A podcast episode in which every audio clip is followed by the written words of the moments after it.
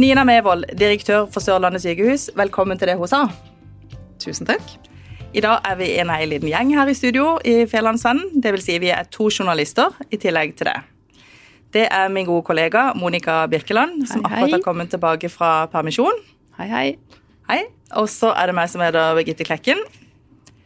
Og Nina Mevold, vi har lyst til å bli litt bedre kjent med deg på vegne av de som hører på. Det er mange som har sett og hørt deg i media, men det er jo ikke så mange som vet hvem du er sånn egentlig. Så skal jeg prøve meg på en litt sånn forkorta oppsummering av det formelle. Før du starta i direktørjobben i oktober 2018, så var du kommunaldirektør for helse og omsorg i Bergen kommune. Du har tidligere hatt diverse lederstillinger ved Universitetet i Bergen. Og du har blitt kåra til årets helseleder av Norsk sykehus- og helsetjenesteforening. Men altså, jeg har lyst til å vite litt mer om hvem du er som person.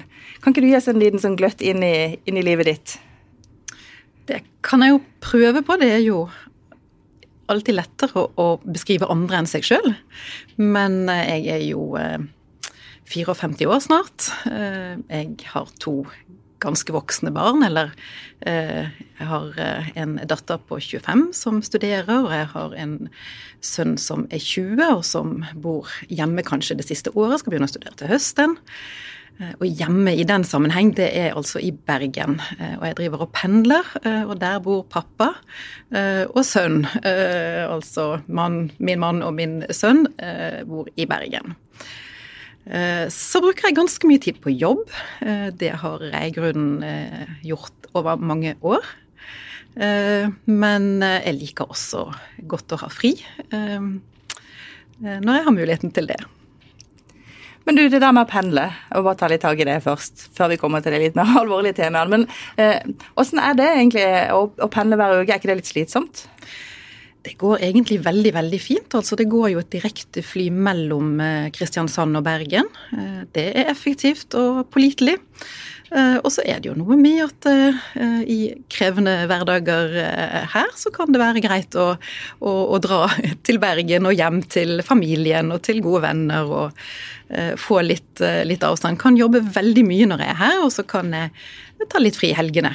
Og så sa du at det er litt sånn hyggelig når du kommer til Bergen, for da er det enten mannen din som henter deg, og sønnen som lager pizza, eller motsatt, var det ikke sånn? Ja, eh, sønnen han liker godt å lage hamburgere, og da er det min mann som henter, sånn at de bytter på det da, eh, hver fredag. Så jeg er veldig heldig å bli hentet på flyplassen og komme hjem til, til ferdig middag. Så det er jo fredagen er en god kveld.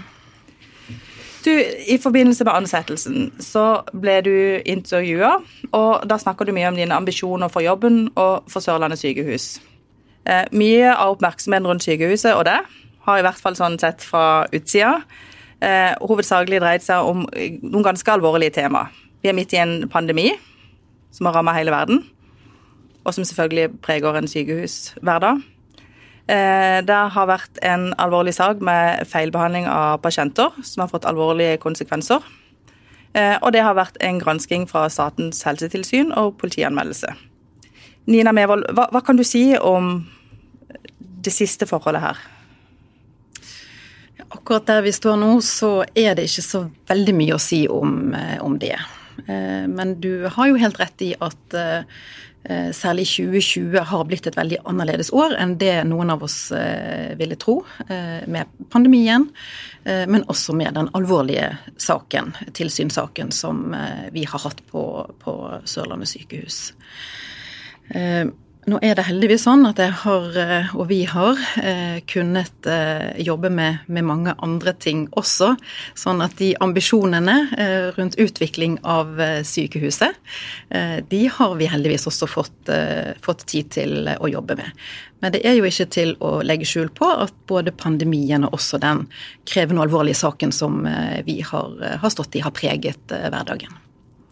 Så er det sånn at En del av de tingene du har kommet til å jobbe med, er jo ting som har vært påbegynt lenge før du kom inn i bildet. Um, men hvordan har det vært å være leder når det har vært så mange krevende ting å, å ta tak i? Hvordan, hvordan klarer du å være en, eh, en god og motivert toppleder i en sånn situasjon? Jo, altså det, det er jo noe med eh, å erkjenne det som har kommet på bordet. Det har jo vært veldig viktig for oss å få oversikt over, eh, over det som eh, har skjedd. Eh, og ikke minst å, å, lage den gode forbedringsplanen som, eh, som vi har, har, jobbet med. Eh, og så, og så, er det noe med å bruke en sånn situasjon til en kraft i et forbedringsarbeid som har vært nødvendig, eh, og som, eh, som, vi har jobbet mye med faktisk de to siste årene, altså eh, fra, fra jeg kom. En stor kunnskapsorganisasjon som Sørlandet sykehus, det er en, en organisasjon som må jobbe kontinuerlig med forbedring. Medisinsk fagfelt går veldig fort framover. ting forandrer seg, og det å jobbe med kompetanse og det å jobbe med prosedyrer og, modernisering og forbedring er helt avgjørende for å utvikle et sykehus. Men det er klart at en pandemi og en sånn sak eh, fører til at både ledelsen og organisasjonen har måttet bruke mye tid på andre ting. Det er kanskje et eh, spørsmål som ikke er så lett å svare på, men du sier at jeg har brukt situasjonen til å gjennomgå rutiner, til å jobbe med eh, forbedring. Kan det komme noe godt ut av det, eller kommer sykehuset Er det et bedre sykehus etter en sånn eh, situasjon? Eller etter sånne hendelser? Ja, det, det, det tror jeg at eh, jeg kan svare ja på. Eh, med eh, Statens helsetilsyns rapporten og konsernrevisjonsrapporten så har vi jo fått veldig grundig og detaljert oversikt over det som, som har skjedd, og de svakhetene som er funnet. Så, så, det er klart at her har vi også fått veldig gode anbefalinger om forbedringsarbeid, og det er vi i veldig god gjennomføring av. Men, men, den eh, saken som du sikter til her, har vært veldig alvorlig, selvsagt, for, eh, for sykehuset og for de eh, pasientene som eh, dette gjelder. Men du, Mevold, du er jo en veldig erfaren leder. Eh, og du har jo stått i mange tøffe situasjoner før, vil jeg tro. I løpet av alle de årene du har jobba og på de ulike stedene du har vært. Eh, men hva har du lært de siste åra her? For det første så, så, har jeg jo lært noe som jeg egentlig visste, men som jeg har blitt veldig minnet på. Eh, og det er jo viktigheten av å ha gode ledere eh, og medarbeidere eh, rundt seg. Ikke minst når det har vært flere så krevende situasjoner som vi har hatt særlig i 2020, så har det vært, vært veldig viktig. Eh, og eh, da har jeg jo eh, Da er vi jo et, et helt team som løser disse tingene. Sant? Det er jo ikke én eh, direktørrolle eh, som, kan, eh, som, kan, løse disse utfordringene som du peker på. Så det å ha gode klinikkdirektører som leder sykehusene og, og klinikkene, og også det å ha gode stabspersoner og gode staber, så eh, fagdirektørrollen har jo vært veldig viktig i, eh, en, eh, i et 2020. Både med pandemien og, og med tanke på den andre saken. og der har vi jo Hun fikk jo virkelig også testet seg. Og har, vi har jo fått en, en, fagdirektør, Susanne Hernes, eh, med en doktorgrad og med særlig utdanning innenfor eh, faktisk både beredskap eh, og så har hun en, en, en utenlandsk utdanning innenfor kvalitetsledelse. Dette er jo områder som har kommet veldig godt med, men jeg kunne trukket fram veldig mange. Og det, det, det, har, det har, har, vært veldig sånn forsterket den erkjennelsen av hvor viktig et, eh, et ledelsesteam er. Men syns du det har blitt mye fokus på det?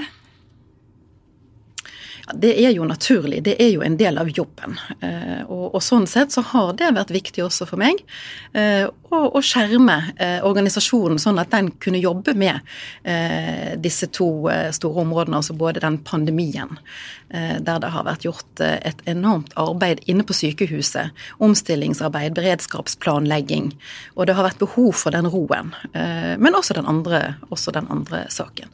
Så det syns jeg egentlig er naturlig at, at det blir et fokus på den som er den overordnede lederen i en sånn sak. Jeg lurer litt på, eh, du, du, er jo egentlig avhengig av å vite alt, eh, men i en så stor organisasjon så, så kan jo ikke det eh, være så lett å ha full oversikt. Så jeg lurer litt på hvordan, hvordan sørger du for at du får vite det som er viktig? Ja, det har vi jobbet ganske mye med de siste årene. For det er helt riktig. Jeg kan, jeg kan umulig vite eh, om detaljene som pågår i eh, disse seks klinikkene som, eh, som eh, vi har. Jeg skal ikke gjøre det heller. Eh, det er det jo ledelsesnivåer som, og, og, dyktige ledere på sykehuset som skal ta seg av. Og da er det jo likevel viktig at de den viktige informasjonen kommer til meg. Eh, og det er noe av det vi har jobbet veldig mye med, det er hvordan kvalitetssystemet fungerer. Sånn at, eh, at jeg får den informasjonen som jeg eh, trenger å ha. Og, og, og teamet mitt, da, som jobber sammen med meg. Har du noe system for å sortere ut og sørge for at du, du er oppdatert på det som er viktig her og nå? Ja, så det er en kombinasjon av å stole på dyktige ledere på nivåene under det ville vært en voldsom flaskehals hvis jeg skulle ta alle beslutninger i denne organisasjonen her. Eh, og det å ha ledere eh, på nivåene under som vet hva det er de kan bestemme, og hva det er som må opp, oppover organisasjonen. Enten til klinikkdirektøren eller til, til meg. Hvordan sorterer du da i hva du må vite noe om, og hva du bare kan slippe å tenke at nei, det løser de? Ja, Det er jo de, de mer overordnede prinsipielle tingene som må opp på mitt bord. Uh, og ellers så er jo den daglige driften, den, den, er jo organisasjonen drillet på å ta seg av. Uh, og det er jo, uh, ja i 2020 da 44 000 døgn opphold og 500 000 polikliniske konsultasjoner. Det, det, ganske Det sier seg sjøl at, at, dette er en stor drift som, som pågår i, i klinikkene og i klinikkenes avdelinger. Og så er det jo faktisk tre sykehus. Eh, hvordan påvirker det jobben din? Og jeg lurer litt på, er, det, eh, er det vanskelig å behandle de som ett sted? For det er vel gjerne litt ulike kulturer, både i Arendal og i Flekkefjord og i Kristiansand. Og hvordan løser du det? Ja, og så er det en stor eh, klinikk for psykisk helse og avhengighet også. Uh, og ja, uh, der er nok litt ulike kulturer. Og det er faktisk noe av det vi jobber mye med i, i, sykehuset. Dette å redusere det som kalles uønsket variasjon. Altså vi skal ha likeverdige tjenester på tvers. Så det er veldig, veldig viktig Hvordan har du merka ulike kulturer? Nei, det er jo noe med størrelse som påvirker organisasjonene. Og det kan hende at det er noe med, eh, med, med, sørlandskulturen som kan være litt forskjellig om man er i øst eller i vest eller Ja. Så, så men, men, eh, det er et uttalt mål å jobbe med. Eh, det gjør alle sykehus som har flere sånne Delt opp i flere sykehus, jobber veldig mye med det der å få mest mulig lik eh, de samme prosedyrene, eh, kompetansedeling. Eh, dette er veldig viktige ting som, som, vi jobber med hver dag på sykehuset. Jeg vet at På din forrige arbeidsplass så hadde du en metode der du hospiterte i ulike avdelinger. Har du prøvd det samme her? F.eks. har du hospitert i Flekkefjord og i Arendal for å bli kjent? Jeg har faktisk gjort det, du har det. hver sommer. Jo, jo, jo, jeg har gjort det. Ja, jeg har vært en, hver sommer. Eh, så er en hel dag i hver klinikk.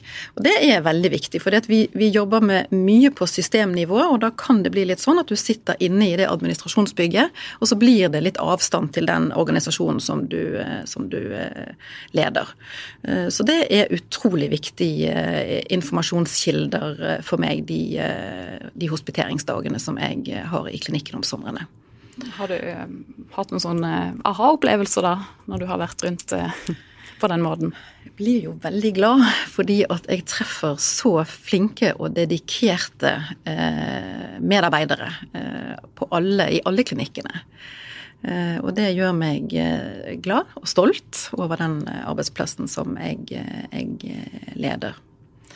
Ja, og så, så, er det jo veldig nyttig å få noen eh, litt sånn konkrete innspill på at denne prosessen kjenner ikke eh, nødvendigvis eh, medarbeideren på gulvet eh, godt nok. Sant? Vi opplever at vi, vi, gir informasjonene ut, vi kommuniserer.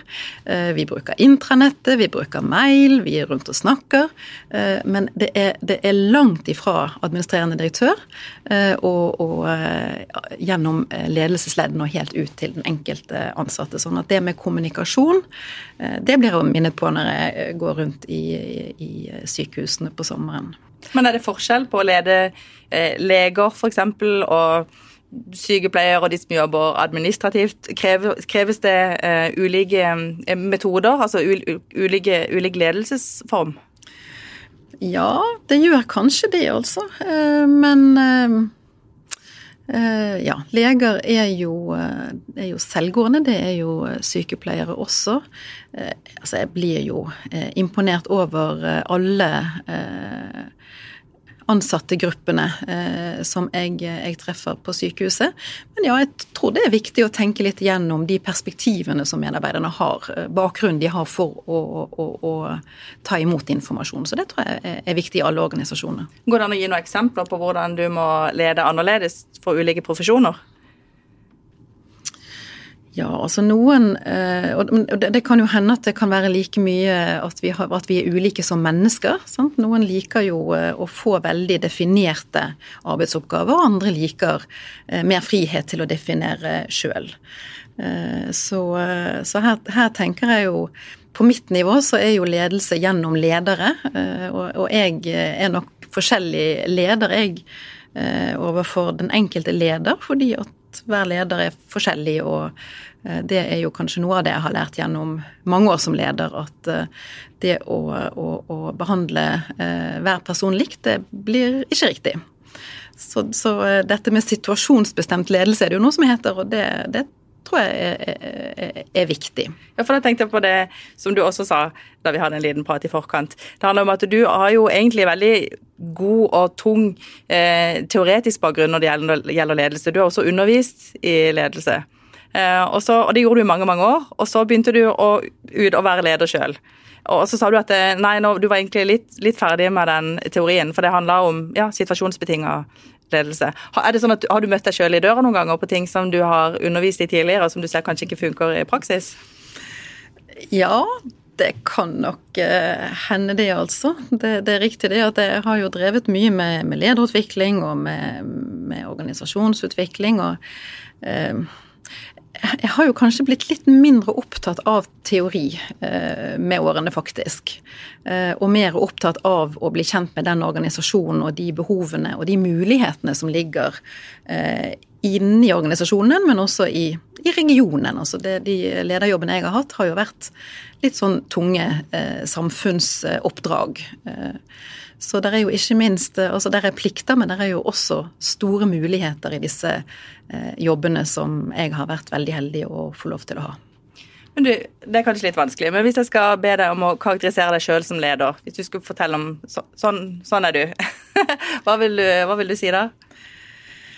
Ja, eh, jeg tror eh, at de som er rundt meg, eh, vet hvor jeg vil. At jeg kan være litt tydelig. Men jeg tror også at jeg er en tilgjengelig leder. At de som er rundt meg, vet at de kan sende en SMS, så kan jeg ta kontakt, og at de får tilgang på, meg. Ehm, jeg er nok relativt ambisiøs. Eh, ikke på vegne av meg sjøl, men på vegne av den jobben vi gjør. Eh, et sykehus eh, har et veldig stort ansvar med å, å sørge for spesialisthelsetjeneste da, for denne store regionen som, som, vi har her. Og det tar jeg ikke lett på. Men ja, nei, så tror jeg de ville sagt at jeg var en, en involverende leder. Hva legger du i det? Nei, altså Da er det litt dette som jeg var inne på, eh, på i sted. At vi er et helt team, og vi er sammensatt med ulike kompetanser for en grunn. Og at vi trenger alle de kompetansene i, i, en ledelse. Vi trenger alle de kloke blikkene og de ulike perspektivene når vi utvikler en stor og krevende kunnskapsorganisasjon. Men hender det at også en så erfaren leder som deg kan har litt dårlig selvtillit, eller kjenne bare 'uff a meg, nei, dette skulle jeg gjort annerledes', eller 'åssen skal jeg løse dette'? Kan du òg få det sånn av og til? Ja, og jeg tror nok det at vi noen ganger kan være vår mest kritiske venn Ja. sjøl. Det er jo nyttig, for det er jo egentlig sånn eh, vi blir, eh, vi blir bedre. Eh, Men eh, Så det kan absolutt eh, forekomme. Men hva gjør du da for å komme ut av den? Nei, da er det jo å tenke at det gikk ikke så bra denne gangen, så da får vi gjøre det bedre neste gang. Eh, Og hva skal vi gjøre da? Og hva lærte vi av denne, av, av denne erfaringen? Eh, Og hvordan kommer vi oss eh, eh, dette i en neste runde?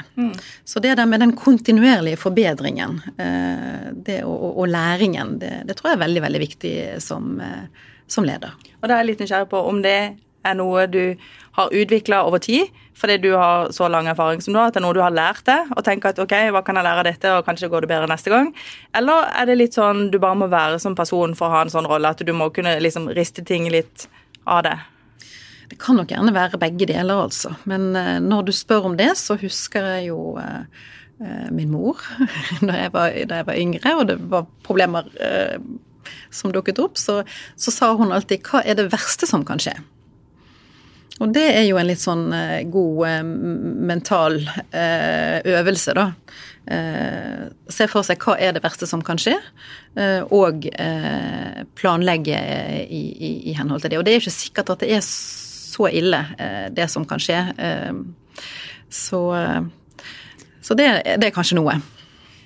Jeg ser jo at du, du tidligere har uttalt at eh, du motiveres av, av motbakker. Det ble jeg litt nysgjerrig på. Kan du fortelle litt hva du legger i det? Um, altså Rent sånn fysisk så, så liker jeg jo det, å gå i motbakker. Uh, og det, da har jo uh, Bergen mye å, å tilby med sine uh, fjell. Eh, så det er kanskje ikke tilfeldig at jeg liker godt å gå i motbakker, men, eh, men her har jeg sikkert ment det litt mer sånn i overført betydning. Og det Ja, altså det er jo, eh, det er jo noe i den energien det, når, når ting er litt mer krevende, når det ikke er rett fram, så må du ta litt mer sats. Og du må virkelig ønske noe. Og det er, det er motiverende, syns jeg. Og når du så har eh, kommet gjennom og kommet på toppen av bakken der, hva, hva gjør du da? Åssen eh, feirer du av og til, eller eh, kunne kanskje vært enda bedre til å feire litt. Eh, Det kunne jeg nok. eh, Og det, det gjør jeg jo, og ikke minst eh, eh, feire de som eh, er rundt meg. eh, Og eh, gi tilbakemeldinger på eh, velfortjent eh, innsats og resultater. Men, eh, men jeg er nok kanskje sånn personlig litt mer på eh, å, å identifisere neste topp. Du, når vi snakka sammen på telefon, så sa du til meg at det å ha en sånn type jobb, det er ikke bare en jobb, det er egentlig en livsstil. Men hva betyr det å ha det som livsstil? Betyr det at du egentlig alltid er litt på, på jobb? Ja, det gjør jo egentlig det. Eh, Og heldigvis så var jo det ikke sånn eh, i den første lederjobben min, eh, som assisterende fakultetsdirektør på Det psykologiske fakultet. Altså det er jo noe som har gått litt gradvis, det. Men etter hvert som jeg da har, har påtatt meg litt mer og mer ansvar i disse lederjobbene, så har, jo, har det jo kanskje blitt mer og mer en livsstil, ja. Sånn at det å være en sykehusdirektør, eh, det er jo ikke noe man er mellom, eh, mellom åtte og fire. Det er man jo hele døgnet. Om det da er beredskapssituasjoner midt på natten, eller der er presse... Eh, eh, som må ut på, på ettermiddag. Altså, det, det er en, en, en litt sånn Du har døgnkontinuerlig jobbet med det hele tida. Det betyr det. at det kanskje ikke hadde vært like lett å ha den jobben du har nå, eh, da du hadde små barn. Nei, denne jobben kunne jeg eh, hadde vært eh, mye mer krevende hvis jeg hadde hatt, eh, hatt små barn, ja. Sånn at det at de var blitt nesten voksne da jeg begynte her, det, det var nødvendig for meg. Men, men samtidig så har jeg hatt ganske krevende jobber også når jeg har hatt mindre barn. Så og da er det jo da er det jo mange ting som er viktig for å få det til, da. Ja, Kan du dele noen tips da, til hvordan man kan få det til? Hvordan kan man få til en god hverdag med både en, en krevende jobb og familie og, og barn, som man jo selvfølgelig også gjerne vil ha tid sammen med hvis man har det? altså det viktigste det er nok eh, at det er en forståelse på arbeidsstedet om at eh, du har den situasjonen. Sånn at eh, når arbeidsgiver eller din leder ser at du, du, du gjør, gjør, jobben, om den gjøres etter at barna er lagt ferdig, eller at du gjerne må gå hjem til riktig tid. Dette er sånn som jeg har vært opptatt av sjøl når jeg har hatt ledere under meg som har hatt barn. Altså det der eh, barn og foreldrerollen er veldig, veldig viktig eh, å få tid til også når man, eh, man er i sånne posisjoner. Eh, så er det jo Altså, jeg har vært veldig heldig med valget av min mann. Han har sjøl hatt en, en, krevende jobb, sånn sett. Men vi har, vi har byttet litt på å ha det mest krevende. Han hadde noen år der han tok doktorgrad. Da var det litt roligere for han. Eh, og, det, og han var mer hjemme, eh, og det førte til at jeg kunne eh, reise litt mer. Han jobber med noe, eller innen samme fagfelt?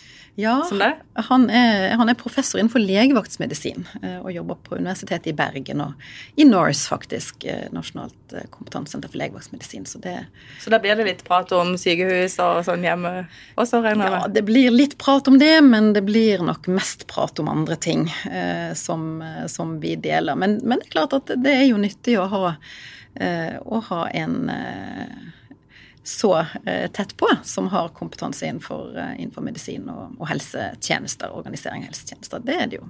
Du Apropos det med familie og barn. Eh, jeg leste om noe som du kalte for ulvetimen. Kan du si litt om det? ja, det var egentlig det jeg siktet til i sted. Jeg hadde nesten glemt det begrepet, men det stemmer det. Eh, altså, det er jo den perioden etter at barn kommer hjem fra skole eller SFO. De er litt sultne og litt slitne, og de ringer for å høre om de kan lage vafler eller Ja. Så da, da spesielt når jeg er både når jeg har hatt mine egne barn, altså da å, være tilgjengelig for, eh, for, barna, men også eh, helt konsekvent for de som har vært ledere i mine ledergrupper, at ringer barna i den perioden der, så tar man telefonen. Og det gjør de jo. De ringer jo alltid, da. Absolutt. Og de spør om de rareste ting. ja, det gjør de. Du, når ting roer seg både med den situasjonen som gjelder disse feilbehandlingene, og pandemien, noe vi alle håper skjer snart. Hva er det du gleder deg til å komme i gang med og, og, og ta fatt på, da? Det er jo eh, Det er flere ting, det. Men kanskje jeg har lyst til å trekke fram eh, eh, dette med medisinutdanningen i Agder. At vi nå, som en pilot, skal ta opp ti studenter, ti medisinstudenter fra høsten 2023. Det er ikke så lenge til, så vi holder på å, å planlegge og gjennomføre dette sånn at vi er klar til å gjøre det høsten 2023 sammen med altså Dette er jo Universitetet i Oslo sine medisinstudenter, men vi jobber sammen med kommunene med å ta imot eh, studentene. Eh, og vi jobber sammen med Universitetet i Agder. Eh, så dette er en sånn skikkelig regional utvikling. Og det er veldig spennende. Så, så dette Og her, her, er det jo Jeg vet ikke om dere har hørt om lakseeffekten? Ikke det når det kommer til sykehus, nei. nei. Da viser faktisk forskning det at, at der, du, der, du, bor som student, der kan du også der viser det seg at du kan komme tilbake igjen altså. Fordi, for å gyte. For dette, du er liksom i den perioden der du etablerer deg gjerne som par. Eh, og, eh, så vi, vi, har jo veldig tro på at det å få medisinstudentene her de siste årene, eh, som både i praksis, men også at vi underviser Universitetet i Oslo-studentene, det blir bra for sykehuset, det blir også bra for kommunene. De trenger også, sliter jo også med å rekruttere leger, fastleger og andre. Og du har jo også jobba med, med, det å se litt fremover, da, med, med fremtidas eh, helsetjenester. Eh, hvordan blir det å, å være pasient f.eks. Eh, om 20 år til, tror du? Jeg tror jo at vi må dra nytte av teknologi så langt det lar seg gjøre. Jeg tror jo at det kan eh, bidra eh, veldig i eh, mer effektive helsetjenester. Går det an å gi konkrete eksempler, sånn at vi kan ja, se, se, det for oss? Ehm, det er jo noe som heter kunstig intelligens. Eh, som eh, der, eh, der systemer henter ut og sammenstiller informasjon som man, må, man må gjøre manuelt i dag. Eller man ikke har den samme muligheten til automatisk analyse. Det er veldig bra. Der har jo vi dette eksempelet med at man kan identifisere de som kan være i fare for å være allergiske mot noe, f.eks., som har vært et, et, forskningsprosjekt her i, i Agder. Det er jo kjempenyttig informasjon. Men dette kan brukes på så mange områder.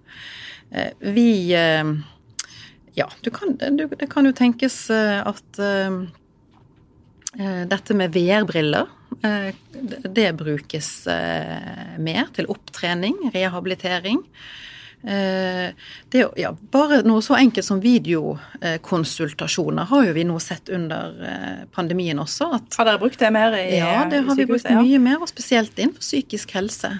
Eh, det er jo, eh, det er jo eh, sånn smittevernfaglig veldig bra da, å kunne være hjemme. Så det er jo ikke, det er jo ikke alle pasientgrupper vi kan bruke det på, men å identifisere de pasientgruppene som, som man like gjerne kan, kan, snakke sammen med på video, konferanseutstyr, og, og, og se det, så man ikke trenger å å gjøre en fysisk undersøkelse på. Hva slags ting kan du se for deg at, eh, at folk kan gjøre hjemme i stedet for eh, på sykehus, f.eks.? Mm. Ja, nei, altså Du kan jo f.eks. se for deg eh, de eldste eh, pasientene som eh, kan få eh, oppfølging via video. Der det kan være en hjemmesykepleier som til og med kanskje kan filme pasienten eller brukeren av hjemmetjenestene. Være i dialog med lege på sykehuset, som ser pasienten, som snakker med pasienten, som kan stille spørsmål til eh, hjemmesykepleieren. Dette krever jo eh, mye tettere samarbeid mellom kommunene og sykehuset enn en det vi har i dag. Men vi har et veldig godt utgangspunkt for å, å, å, jobbe oss i den retningen i Agder. Fordi at vi har et veldig godt samarbeid mellom eh, sykehuset og kommunene. Du, Alle folk har jo et forhold til sykehuset sitt. Man føler litt som sitt sykehus. De som bor i Flekkefjord, føler det er sitt sykehus. ikke sant? De som bor i Arendal, føler det er sitt sykehus. Um, og sykehuset er, det er viktig, og det er viktig å ha tillit til sykehuset. Så har det jo vært saker nå ikke sant, som kanskje har rokka ved tilliten hos noen. Men hva kan man gjøre for at folk skal ha tillit til sykehuset sitt og være trygge på at det er ok å komme inn der. Folk som skal inn og ha en operasjon eller et eller annet, og som kanskje gruer seg. Hva, hva kan du si hva kan du si til de? Jeg kan si til de at det er trygt uh, å bli behandlet på Sørlandet sykehus. Uh, der er jo noen sånne dilemmaer og paradokser som, som vi opplever på sykehuset. Uh, vi fikk samme uke som vi fikk rapporten fra Statens helse, eller avgjørelsen fra Statens helsetilsyn, så fikk vi også en, en nasjonal eh, vurdering av 24 områder som heter Helseatlas eh, kvalitet, alle sykehusene i Norge. Eh, og, og, der kommer Sørlandet sykehus ut med svært god kvalitet på eh, en rekke eh, behandlinger. Eh, så, så det er, det, er, det er, sammensatt. Det er jo også sånn at de som får behandling på sykehuset, i det store og det hele er svært fornøyd med den behandlingen de får. Eh, vi har akkurat eh, fått en eh, såkalt omdømmeundersøkelse som viser det at det har ikke endret seg, faktisk. De som får behandling på sykehuset, og, andre som, som spørres, har tiltro til, til, sykehuset. Men er du overraska over at ikke det har endra seg? Ja, man kunne jo tenke seg at, at disse sakene hadde påvirket uh, i, i, i, større grad uh, det. Uh, Eh, hvordan eh, sykehusets omdømme var eh, blant befolkningen. Men, men, jeg er jo ikke så veldig overrasket heller, fordi at jeg vet jo det at folk får god behandling på sykehuset. Du, Jeg har lyst til å spole litt tilbake til det med pandemi igjen. For i fjor vår, da fikk vi jo se bilder fra Italia spesielt hvor det var eh, forferdelige tilstander på en del sykehus. Det var ikke plass, folk ble behandla på gata, eh, likbilene kjørte i, i skytteltrafikk. Og vi var mange som ble redde. Eh, og dere visste jo ikke heller hvordan det ville komme til å se ut ved Sørlandet sykehus når pandemien ramma for alvor. Hvilke bilder fikk du i hodet, du, eller hvordan så du for deg at det kunne gå, når disse bildene begynte å strømme inn til Norge også? Ja, ja, dette har jeg tenkt ganske mye på. Eh, fordi at eh, vi, vi, var ganske bekymret eh, da for et år siden. Eh, eh, og det var jo grunn til det. Eh, dette det, det jo, har jo vært en, en, en, alvorlig verdensomfattende pandemi. Men heldigvis så har jo vi i Norge håndtert dette godt, mener jeg. våre nasjonale myndigheter har håndtert dette godt. De regionale foretakene, kommunene. Så, men, eh, men, ja, nei, vi kunne jo ikke vite om, eh, om dette. Og våren 2020, eh, den, den gikk jo gikk veldig mye tid med på å planlegge eh, hvordan vi kunne håndtere et betydelig høyere smittetrykk enn det vi har hatt. Så det har vi lært enormt mye av på, på sykehuset. Og det var jo eh, alt fra eh, hvordan skal vi bemanne eh, sykehuset da, hvis vi da får veldig mange flere intensivpasienter med covid. Eh, og så handlet det jo om å, å handle inn eh, medisinsk-teknisk utstyr som hele verden skulle ha tak i. Eh, det var ganske eh, tøft, eh, men lærerikt. Eh, men ble du, ble du redd, du? For hvordan det skulle gå? Ja, altså jeg, jeg, tror liksom når du er midt i det, og du, og du ser at planene virker, at vi får tak i utstyr, smittevernutstyr, Eh, så, eh, så ikke akkurat, det, er ikke, det er ikke akkurat redsel, altså, men det er mer det der å, å, få, eh, å få, gjennomført og få planene ferdig og, og, være trygg på at vi er så godt forberedt som, som vi kunne være.